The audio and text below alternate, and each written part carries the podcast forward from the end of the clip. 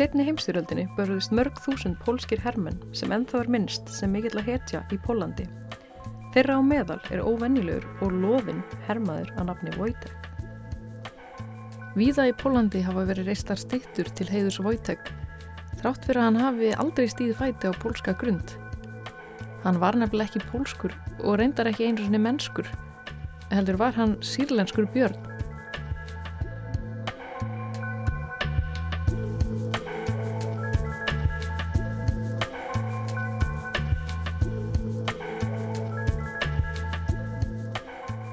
Wojtek var í raun afar heppin lítill björn. Einn örlaðaríkan dag í april 1942 var honum bjargað frá hræðilegum örlögum, lífi sem dansandi sirkusbyrni. Saga Hermannsins Wojteks hefst á hálendi Írans í fornaldarborginni Hamadan þar sem hópur pólskra hermana var á leið að slást í för með herliði bandamanna. Hópurinn stoppaði út við vegarkant til þess að tegja hans úr sér og fá sér smá kaffi á meði. Það var ekkert sérstaklega þægilegt að sitja á hörðum sætum trukksins klukkutímanum saman á hólóttum vegi hálendisins. Hins vegar kvörtuðu þeir ekki þar sem þessar aðstæður voru töluvert skári en upphafstaður ferðarinnar, þrælkunabúður í Sýberíu. Hermennendir tóku þá eftir ungum persneskum strák. Hann var berfættur og með strigapóka í fanginu. Hann starði á þá borða, hann var augljóslega glórhungraður. Mennirnir sem hefðu sjálfur upplifað það að svelta gáðu honum smá mat sem hann hámaði í sig. Einn af hermönunum, Pítur Prendis að nafni, byrjaði þá að forvittnast um stregapókan, því innihald hans virtist á hreyfingu. Pítur benda á pókan og spurði hvað væri í honum. Strákur reyndi að svara, en þar sem þeir töluð ekki sama tungumál var samtalið óskiljanlegt. Mennirnir ákveðu þá að gá í pókan. Þeir opnuði pókan varlega og þeim til mikillar undrunar komi ljós lítið svart tríni á bjarnarhúni. Hann leiti ekki vel út, var suppulegur og augljóslega vann nærður. Það var samt eitthvað við þennan varnalösa vesala litla björn sem heitlaði þá. Með handapati og bendingum náðu þeir hægt og rólega að komast að sögu litla bjarnarins. Móður hans hafði á öllum líkindum verið drepin af veiðumönnum og þeir gefist ráknum björnin. Ef björnin næði að verða fullvaksta er þann hafður til sínis sem dansandi björn. Dansandi byrnir þóttu mikið skemmtiefni í mið Östurlöndum en fáir gerðu sér þá grein fyrir þeirri þjáningu og miklu grimd sem fólst í að þjálfa byrnina. Byrnindi voru yfirleitt gataðar í trínið, munnin eða góminn og keðja eða reypi sett í gegn. Í þessum fjötrum voru þeir svo þjálfaðir á mjög grimmilegan hátt og þvingar til þess að standa uppréttir. Keðjarnar og reypin höfðu líka í för með sér sár og stöðugan sársöka. En mögulega eitt af versta við þetta allt saman er að enginn gætt almennilega lifað á peningnum sem fekst við þetta. Peningarnir dugðu varla til þess að kaupa mat og hvað þá til þess að fæða björnin. Hefni byrnindir dói ungir. Þetta voru sennilega örlegin sem byðu litla úpna bjarnarins í pókanum. Svo nú raugrætti Pítur og félagar hvort þeir ætti að kaupa björnin. Strákurinn var tilbúin til að selja þeim björnin en hann vildi bandaríkjadali, en dalurinn var töluvert sterkari en íranska ríalið. En korki Píterni félagar hans voru með dali á sér, en náðu þó að nörðla saman nokkrum ríalum, auk annars varnings þar með talið súkulegstykki og svisneskan vasarnýf. Strákurinn virtist efins, þeir buðu honum þá stóra niðursöðu dós af léttsölduðu nautakjöti. Kjöti gerði útslæðið, björnin var seldur. Pólsku hermennir glottu og horðu hvern annan. Þeir hefðu kift björn, nú áttu þeir björn. Einmitt það sem þú þart í miðri heimstýröld. Þeir tóku sameila ákvörðun um að halda byrninum leindum. Núna þurftu þeir bara að finna út úr því hvernig á að hugsa um svona lítinn björn. Þeir prófiðu sér áfram með ýmsar aðferðir og komist fljótt á því að Björni var til dæmis ofungur til þess að borða kjöt en hafði mikið dálati á niðursúðinni mjölk en Björni gatt þó ekki drukki mjölkina beint úr dósinni svo þau greipið til þess ráðs að hella mjölkinni í gamla vodkaflösku með tuskubút í stúknum sem virkaði eins og speni. Björni gatt þó hæst ánaður sóið mjölkina á flöskunni. Þeir fóru að mynda sterk tilfinningatengslu Björnin og vildu finna nafn á hann Eftir að var rætt nokkra hugmyndir nefndu þeir hann Wojtek, sem er frekar viðiðandi af því að það þýðir hamingisami hermaðurinn. Á lókum komst þú upp um Wojtek í herbúðunum og var þá útbúðið sérstakt tjald fyrir hann og Pítur. Það þóttir endan mjög óvinnilegt fyrir undirfóringi eins og Pítur að hafa sett eigið aðsetur, en hershöfðingin Tjálminski áttaði sig á mikilvægi bjarnarins. Hann sá að hann var miklu meira en bara gæludýr og hann hefði góð áhrif á andan í herbúðunum. Pítur hugsaði vel um Wojtek sem hljópa eftir honum eins og lítið bann hvert sem hann fór og nætunar fór hann alltaf uppi til Píters til þess að hlýja sér, þó að hann ætti sitt eigi rúm. Félagarnir strýtt oft Pítur og kölluði hann bangsamömmu. Pítur tók þessum bröndurum ekki illa og hló með. En það var það alveg satt, hann var fósturmamma Vojtek. Þegar Vojtek var hrettur, þreyttur eða vildi bara kúra, hljópa hann alltaf til Píters og snökti þannig til Píter tók hann upp og hjælt honum í fangi sínum. Þar satt Vojtek hinn rólegasti og sög puttan hans af mestu ánægi. Vojtek var fljótur að aðlaða sig að nýja félagskapnum. Hann fór með þeim í eldingaleiki og þegar hann var eldri og stærri fannst þórum gaman að veltast um og fara í glímu. Hann stóð uppréttur, setti loppundi sínur á hendur andstæðingsins og reynda ít honum aftur. Brátt fekk Vojtek þó að upplifa herlifið af alvöru. Herdeldin sem Vojtek og félagar voru í hafði það hlutverk að koma byrðum og stundum hermönum þvert yfir mið Östurland. Þetta voru bæði stuttar dagsferðir og lengri ferðir sem gátti tekið nokkara daga og þurfti hópurinn því ofta gista í hinnum og þessum búðum. Vojtek fór í margar áhugaverða ferðir til alls konar landa eins og Sýrlands, Íraks, Egiptalands og einstakasinnum Líbanon. Honum þótti fátt jafn skemmtilegt og að sitja í truknum með hausin út um gluggan eins og hundur. Hann elskaði ferðalög og nýja staði. Það var ekki annað að sjá en að Vojtekliði vel. Hann átti þó erfitt með að venjast hitunum í eðumörkinni yfir sumamánuðina og kom þó ykkur feldurinn í veg fyrir það að hann ætti auðvelt með að kæla sig niður. Hann láð þó í skugganum undir vastanginum og sárbændi hvert sem lappaði framhjá um að skrúa frá vatninu. Það var líka þráhyggja Vojteks fyrir vatni sem leti til þess að hann gómaði arabiska njósnara. En Vojtek fór alltaf í styrtu með hermönunum og var það öruglega stór undali sjón að sjá stóra loðna björnin tróða sér á millinu naktra mannana og reyna að taka yfir alla styrtunar. Hann fattaði þó fljótlega að það var nóg að toga í spotta hjá sturtunum til að skrúa frá vatninu. Hann togaði stanslust í spottan þangar til allt vatni var búið. Þessi óhóflega eðsla vöyteks á vatninu var til þess að það þurfti að girða sturtunar af og læsa þeim. Einn morgunin þegar Vojtek var á sínum daglega morguröldi sá hann að sturtuklefin var ólæstur. Vojtek var yfir sig ánæður og fór inn en það rakst hann á njósnaran sem brá heldur betur í brún. Hermennir heyrðu ópinn og hlupu á sturtunum Þar stóð njósnarinn með tárin í augunum skítrættur. Hann var handtekinn og yfirheyður. Vojtek fór þá frá því að vera gæludýr yfir í dáða hetju. Herdeldin hjælt á vývöllin á Ítalíu í desember 1943. Þá ferðuðust þeir til Aleksandriu í Egiptalandi og undirbyggu sig fyrir syklingu til Ítalíu. Nú var bara spurning hvort að Vojtek fengi að koma með, því gæludýr voru ekki leifðum borð. Lausni var þá að skrá Vojtek formlega í herin og sylt var af stað. Ferðinni var heitið til Monte Cassino en þar var einhver blóðugasti bardagi síðari heimstýraldarinnar. Vojtek og félagar voru hins vegar ekki að fara að berjast, heldur var þeirra hlutverk að flytja byrðir. Þetta var mjög áhættisamt verk því þeir þurftu að koma þungum skotfærum á fremstu výlinu. Þurftu þeir að keira í svarta myrkri með byrðnar upp þrönga og hlikkjóta fjallvegi. Ein röng beigja og þeir myndu steipast niður mörg hundru metra. Vojtek var freka fljótur að aðlæðast þessum aðstæðum. Fyrstum sinn hafði hann þó verið mjög hrettur og neitaði að fara út vegna hávaðans. Eitt daginn kom svo Vojtek til þeirra þar sem þeir voru í óða önn að afferma trökkin. Hann rétt út loppunar og gaf til kynna að hann vildi hjálpa. Hann stóð á tveimur fótum og menninir hlóðu á hann þungum kössum sem hann lappaði með áreinslu lust í skotgeimslunar. Röldi svo tilbaka til að sækja meira. Hann gerði þetta á sínum eigin forsendum og reyði sjálfur hvenar og hversu lengi hann vann. Stundum þurfti þó að lokka hann með smá mat. Vojtek og félagar hans fóru með 17.300 tonn af skotfærum, 1200 tonn af eldsneiti og 1000 tonn af mat til pólskra og breska hermana. Allt í allt voru fjóri bardagar í Monte Cassino og lauk þeim síðasta 18. mæ 1944 með sigri bandamanna. Fyrir störfsín var enginnismerki herdeildarinnar breytt í mynda Vojtek og hann var orðin að góðsögn. Pólski herin dvaldi á Ítalíu fram til 1946 og var þá förinni heitið til Skotlands. Framtíðin var björnt og hermennir voru jákvæðir og vongóðir til vonist til þess að komast bráðum heim til Pólans. Í Skotlandi dvöldu þeir einhvers konar flóttamannabúðum þar sem þeir fengum mat og húsaskjól. Viku skamtur á mat voru þrjár sneður á beikoni, nokkur gram af osti, smjöri og sigri og heilmikið af te en eins og gefur að skilja er þetta alls ekki nægur matur fyrir fullvaksta björn. Svo Vojtek fekk undan þá. Björn af hans stærð þarf um 20.000 kalóriur á dag, sem jafngildur um 60 hambúrgurum.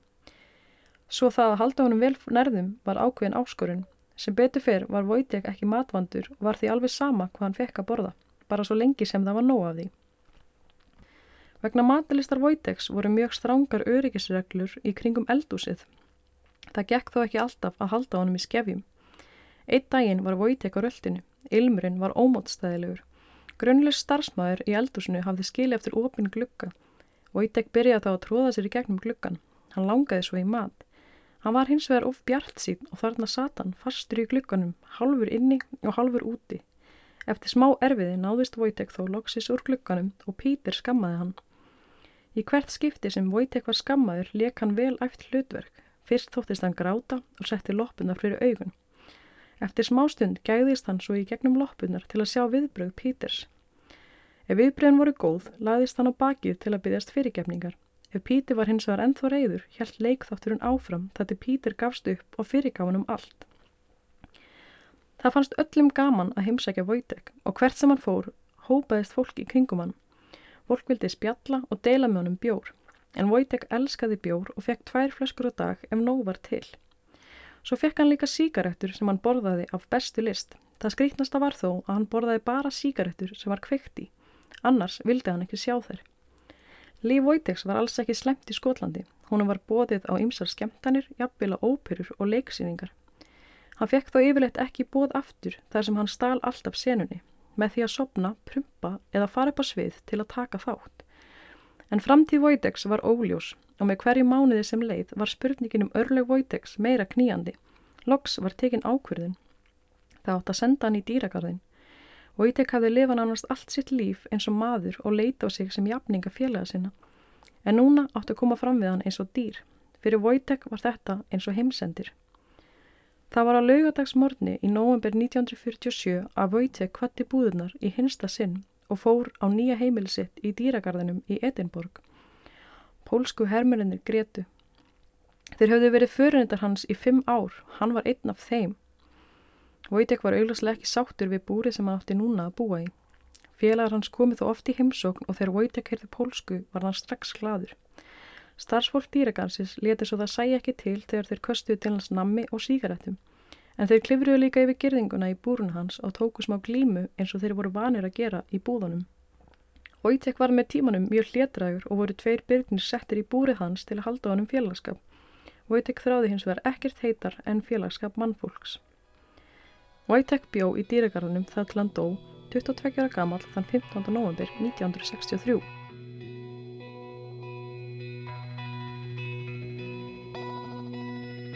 Við munum sannilega aldrei vita hvað í úskopunum fjekk pólsku hermennina til að kaupa þennan litla björn. Hann var auðvitað mjög sætur og þeir höfðu mikla samúð með honum. Hann hafði verið tekin úr sínu náttúrulega umhverfi og settur í aðstæður sem enginn, hvorki byrnirni fólk, ætti að vera í. Svo má líka velta því fyrir sér hvort mennindir hafi ekki einfallega þurft eitthvað til að elska og hugsa um. Wojtek hefur eftir vill hjálpa hermennunum að halda í mennsku sína mitt í þeim mannskjamandi hildarleik sem setni heimstýraldin var.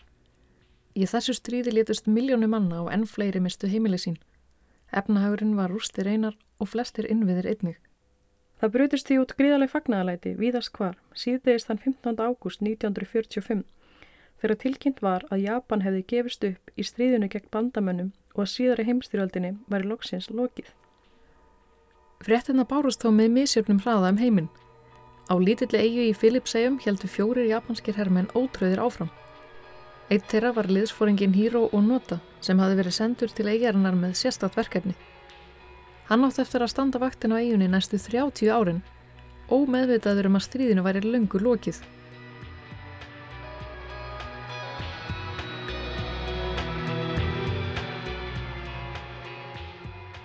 Onoda fættist árið 1922 í bænum Kainan í Japan. Hann var svo 50 í rauð sjö sískjana. Þegar hann var 17 ára fekk hann nóg af að búa hjá fólkdum sínum og ákvaða frista gæfinar. Húnum bauð starfi í japanski verslun í borginni Wuhan í Kína. Í hans huga var Kína svo stórt land að það hlituð að leynast tækifæri fyrir ungan mann sem ætlaði sér að verða ríkur. Wuhan var sérlega góður uppástaður því að bróður hans gengdi þar herskildu. Á hverju kvöldi sótt hann glæsilegan dansal og dansaði langt fram á nótt. Það var þó ekki ódýr skemmtun og, og nota nýtti sér óspart nálað eldri bróður síns. Hann fekk bróður sinn til að annast helming uppi allsins og lit hann líka splæsa á sig sérsömið jakkaföt eftir nýjustu lundunatískunni. Og nota vildi njóta lífsins í Kína til hins ítrasta því hann vissið af um tvítugt er hann kvattur í herin og sendur í stríð Japan við Kína. Innst inni vonaði hann að stríðinu líki fljótt svo hann geti stopnað sitt eigið fyrirtæki. Það var þó lítið úr þeim draumum því í desember 1941 lístu bandaríkinn stríði á hendur Japan. Setni heimstyröldin var hafinn. Í desember árið síðar var ónota kvattur í japanska herin.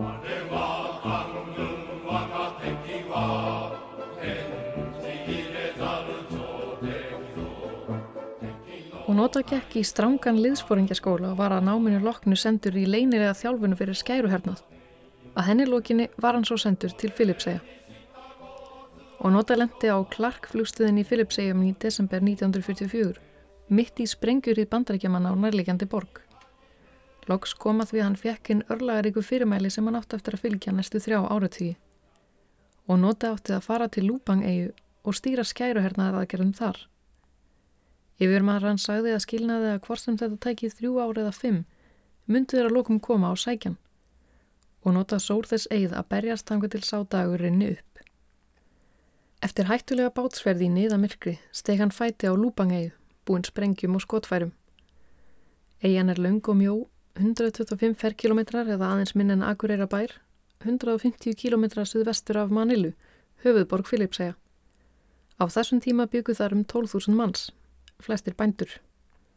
Þegar Ónota kom til eigirinnar voru þar fyrir um 200 japanskir hermenn. Hann komst á fljóta því að hermenninni voru alls ekki fúsir að berjast og hann hafði ekki vald til að gefa þeim skipanir. Það gekti mjög illa að skipulegja skæruhernað. Auk þess gekk ekkert að sannfæra hermennina um yfirofandi árás bandaríkjamanna á Lúbang og því voru hersveitinnar illa undibúnar þegar óvinnaherrin gekk loks á land tæpum tveimur mánuðum síðar. Bandaríkjamenn letur sprengjur dinja frá sjóu og lofti áður en hermenn kom í land með fjóra skriðdrega og nota á menn hans hörfuð upp í fjöllin þar sem átökin heldu áfram fram í mæ. Eftir það heldu japansku hermennir til í fjöllunum en herr bandaríkjamanna vaktaði svæðið. Um fimm mánuðum eftir að skipiluðum átökum laug barst hermennunum dreifibrjöf með skilabóðum um að stríðinu var í lókið og að þeir skildu halda niður úr fjöllunum. Engin þeirra trúði þessu því að örfáum dögum áður hafði hópur japanska hermanna reykist á óvinnasveit og lendi í skotrið. Það gaf því ekki verið að stríðinu var í lókið. Tveimur mánuðum síðar sáu þeir annað dreifibrjöf þar sem yfirmenn japanska hersin skipuð þeim að gefast upp. Menninir fundið þó ímislegt grunnsamlegt í brefinu og álitið það falsað. Síðar kom í ljósa að grunnsendir þeirra skrifiðist að einhver leiti á prentvillur. Fleiri dreifibrif voru að berast um að stríðinu var í lokið og kallað var til þeirra á japansku. Þegar átta mánuður voru liðnir frá stríðslokum gáfust um 40 japanskir hermenn upp og heldi niður úr fjallanum. Þá voru aðeins eftir fjórir japanskir hermenn á Lúbang og nota Shimata, Kosuka og Akatsu. Þeim bar síðan orðsending frá uppgefarhermennunum um að öllu væri óhætt og þeir skildu gefa sér fram og nota var hins vegar svo sannfærður um að stríði væri ennþá í gangi að hinn er ákvaða að fylgja honum áfram, þrátt fyrir efasendir. Fjórmenningarnir áttu eftir að halda hópin næstu árin. Akatsu var þá 23 ára og nota 24, Kosuka 25 og Shimata 31, sá eini þeirra sem var kvæntur og með tvö börn heima í Japan. Shimata var sterkastur að þeim, komin á bændum og kunna að lifa á náttúrunni eftir að hafa unni við að brenna viðarkóð langt upp í fjöllum. Kusuka var einnig búndasónur og reyndist besti félagi og nota, en það voru þeir saman á eiginni í 28 ár. Akatsu var sónur skóðsmiðs úr fátakra hverfi í Tókjó. Hann yfirgaf hópin eftir fjögur ár og gaf sér fram við yfirvöld á Lúbang. Tíu mánuðum síðar skildi hann eftir skilabóðanda félagum sínum og leiti síðar leitasveitir um fjallendi Lúbang. En þreimenningarnir leta ekki segjast og dróðu það álugtun að hann væri komin á band óvinarins og nota hafði ekki enn fengið beina tilskipun frá yfirmanni herdeildarinnar um að verkefni hans væri lókið. Varla hafði yfirmaðurinn glemt sína megin skipunum. Þremenningarnir og í upphafi fjórmenningarnir færðu sér stöðut um seta á eigunni. Mánaðalega fóru þeir skipulaðan ring með því að stoppa þrjá til fimm daga á hverjum stað. Þeir skiptu með sér verkum eftir getu hvers og eins. Í upphafi áttu þeir þryggja mánuða byrðir af hrískonum sem þeir treynuðu eins lengi og hægt var. Eftir það stáluðu hrískonum frá innfætum auk þess að þeir nærðust á banunum og veitu reglulega kýr. Oftast borðuðu þeir niðursneita banana með hýðinu, soðna í kókosmjólk með þurkuðu kjöti. Yfirleitt var nóg að veiða þrjár kýra ári fyrir einn mann. Þeir letu kjötið að þeim endast í fjóra mánuði með því að þurka það. Enguð síður þjáðust þeir allir af næringarskorti. Það eina sem var nóg af eigunni var vatn. Í fyrstu sváfu þeir í tjaldi en setna meir byggðu þeir kofa úr trjám, kókoslaugum og vapningsjústum meðan á rektímanum stóð. Þegar þeir færðu sig þurftu þeir síðan að eyða öllum ummerkjum um kofan. Þeir sváfu á léreftsbókum sem þeir höfðu stólað af innfætum. Riflatnir voru ávalt í seilingar fjarlagð og notað saðist aldrei hafa sofið vært heila nótt öll þessi ár. Loftslæðið var heitt og rakt, yfirleitt millir 20 og 30 stig. Á regntímanum var þó oft óbærilega kallt og stundum hlýjuð þeir sér með því að syngja hersöngvæðis hátt og þeir gátu. Þeir þurftu sífælt að stoppa í fötinn sem grotniðu niður vegna rakans. Tennutnar bustuðu þeir með trefjum af pálmalöfum og bissutna voru reglulega búsaðar með pálmálíu. Þeir stálið síðan ýmsum nýtsamlegum hlutum af innfætum, svo sem mataráhildum, tjöldum, skóm og teppum. Sambúðin gekk yfleitt vel en stundum rifust þeir heftarlega og enduði jafnvel í slagsmálum og notaði hjælti þó fram að rifrildin hefði á endanum gert á nánari hver öðrum. Þeir gáttu síðan slakað öllitið á meðan á regntímabilinu stóð því að þá kom engin upp í fjöllin. Þá töluðu þeir um lífið fyrir stríð. Símata og Kosuka áttu bátt með að trúa því að Onota hefði verið djammari og stund á dansleiki. Onota skildi það vel því að hann áttu að verið bátt með að trúa því sjálfur. Loks kom að því að og nota treysti félagum sínum nægilega til að segja þeim frá hennu leinilega verkefni sem honum hafði verið falið og lofórðinu um að einhverjir þið sendur til hans þegar rétti tíminn kæmi.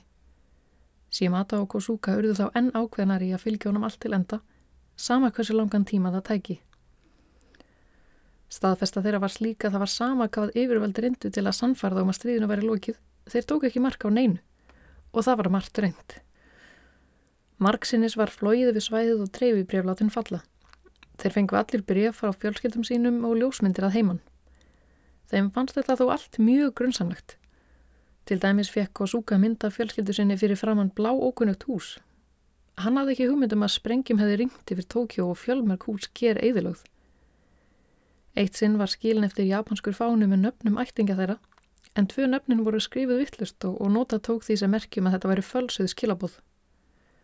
Nokkrum sinnum voru skilin eftir dagblöð til þeirra, Þeir dróðu þálektun að óvinnaherin hefði tekið út fréttir sem þeir mátt ekki sjá. Þeir komist meira sig yfir útvarp en litur svo á að bandaríkjaman matrittu allar útsendingar ofan í þá. Þeir trúði ekki eitt andartak að stríði væri búið. Á hverju stundu byggust þeir við liðsauka frá Japan. Frá barnsaldri hafði ónota verið innrætt að Japan myndi ekki gefast upp fyrir en búið væri að drepa alla íbúa landsins og að stríðið geti jafnvel tekið hundrað ár. Honum fannst þess vegna dagblöðin sanna að Japan væri ennþá í stríði því að þar gekk lífið sinn vana gang. Hann bjóð til sínar eigin kenningar um stöðu Japan og gang stríðsins. Allt sem ekki samræmdist hugmyndum hann stúlkaðan á sinn eigin hátt. Hún var ómögulegt að meðtaka nokkuð sem passaði ekki við hugareim hans. Jafnvel þegar bróður hans kom og söng lag úr bernsku þeirra, taldi hann að umværa að ræða leikara sem hefði lært að líka eftir bróður hans. Og nota sæði síðar að það var ekki fyrir að hann komin til Japan að hann áttaði sig fyllilega á því að hann hafi dvalið í ímyndiðum heimi síðustu 30 ár. Þá belvaði hann sig fyrir að hafa eitt öllum þessum árum í að valda öðru fólki vandraðum. Shimata var skotin af Filipseiskum hermönum eftir tíu ár á Lúbán. Átján árum síðar var Kosuka skotin til bana af lögreglu eigarinnar. Næstu 16 mánuðina var ónóta einn á Lúbán. Hann var staðræðin í að halda út sem lengst og bjósi undir að þrauka 20 ár til viðbótar. En svo gerðist það í februar 1974 að ungur æfintiramadur, Norio Suzuki, kom til sögunar. Suzuki hafði hægt í skóla til að halda vitt æfintirana og kanna heiminn.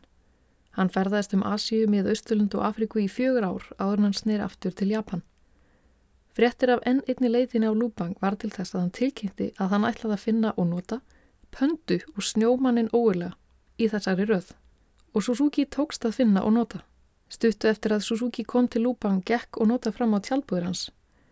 Eftir að hafa sannfært og notum að hann væri aðeins óbreyttur japanskur ferðamadur, spurði hann allskinn spurninga um lífið á eigunni og svo fóra þeir töluð saman alla nóttina. Suzuki myndi og nota á sjálfan sig áður hann gekk í herin. Það var eitthvað sem dróða hann að honum. Suzuki spurði loks hvað þyrti til að fá hann aftur heim og nota sagði að hann þyrti fyrirmæli frá Taniguchi hersöðingja. Suzuki lofaði að snúa aftur með Taniguchi. Og tveimu vikum síðar stóð hann við orð sín. Suzuki kom með það sem Onota hafi beðið eftir öll þessi ár, munleg fyrirmæli frá hersöðingjanum sjálfum. Loksins var Onota laus við allar skildur. Onota var tekið sem hetji við komuna til Japan og hlaut mikla aðtegli um allan heim. Honum gekk eins og verið illað að venjast hennu breyta samfélagi í Japan og flutti árið síðar til Brasilíu og gerðist kúabondi eins og bróður hans hafi gert. Hann kvæntist japanskum teseremoníu kennara og eftir nokkur ár í Brasilíu fluttu þau aftur til Japan þar sem Onota stopnaði búðir fyrir ungt fólk til að læra um náttúruna. Suzuki fann pönduna sem hann ætlaði sér að finna á eftir Onota en lést í snjóskriðu þegar hann var að leita snjómannsins óurlega.